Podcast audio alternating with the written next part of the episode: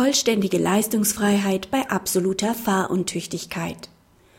Verursacht der Repräsentant des Versicherungsunternehmers mit einer Blutalkoholkonzentration von 1,2 Promille grob fahrlässig einen Unfallschaden, darf der Kaskoversicherer eine Entschädigung vollständig versagen.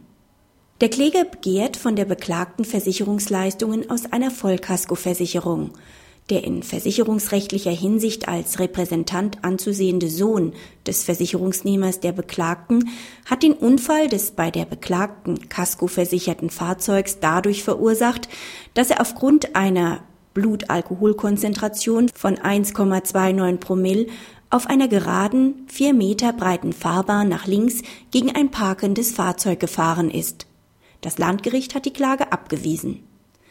Das Verhalten des alkoholisierten Fahrers ist nach Ansicht des Landgerichts als gröblicher Verstoß gegen die Grundsätze der im Verkehr erforderlichen Sorgfalt anzusehen.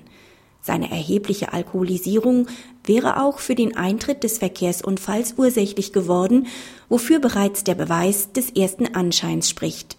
Daher war die beklagte Versicherung nach 81 VVG zu einer Leistungskürzung berechtigt, die sich an der Schwere des Verschuldens orientiert. Im Einklang mit der Empfehlung des Goslarer Orientierungsrahmens hat das Gericht das Verhalten des Fahrers als so schwerwiegend angesehen, dass der Versicherer zu einer vollständigen Leistungskürzung berechtigt ist. Es ist ein falsches Signal, wenn der erheblich alkoholisierte Fahrer auch nur einen Teil seines Schadens auf Kosten der Versicherungsgemeinschaft ersetzt erhält. Ein der Kürzung um 100 Prozent entgegenstehender Ausnahmefall könnte allenfalls gegeben sein, wenn sich der alkoholisierte Fahrer im Rahmen einer Güterabwägung wegen einer konkreten erheblichen Gefahr über das Verbot hinweggesetzt hätte. Für einen solchen Ausnahmefall haben sich vorliegend jedoch keine Anhaltspunkte ergeben.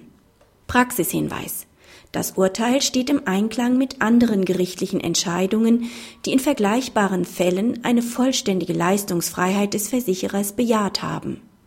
Wenn die präjudizielle Wirkung der Paragraphen 315c und 316 StGB berücksichtigt wird, ist in diesen Fällen in der Regel eine vollständige Leistungsfreiheit angemessen. Zu Recht hat das Landgericht vorliegend auch eine Ursächlichkeit der absoluten Fahruntüchtigkeit für den Eintritt des Verkehrsunfalls bejaht. Hierfür spricht bei einer derartigen Alkoholisierung bereits der Anscheinsbeweis, der sich bei diesem für eine Trunkenheitsfahrt typischen Sachverhalt weiter erhärtet hat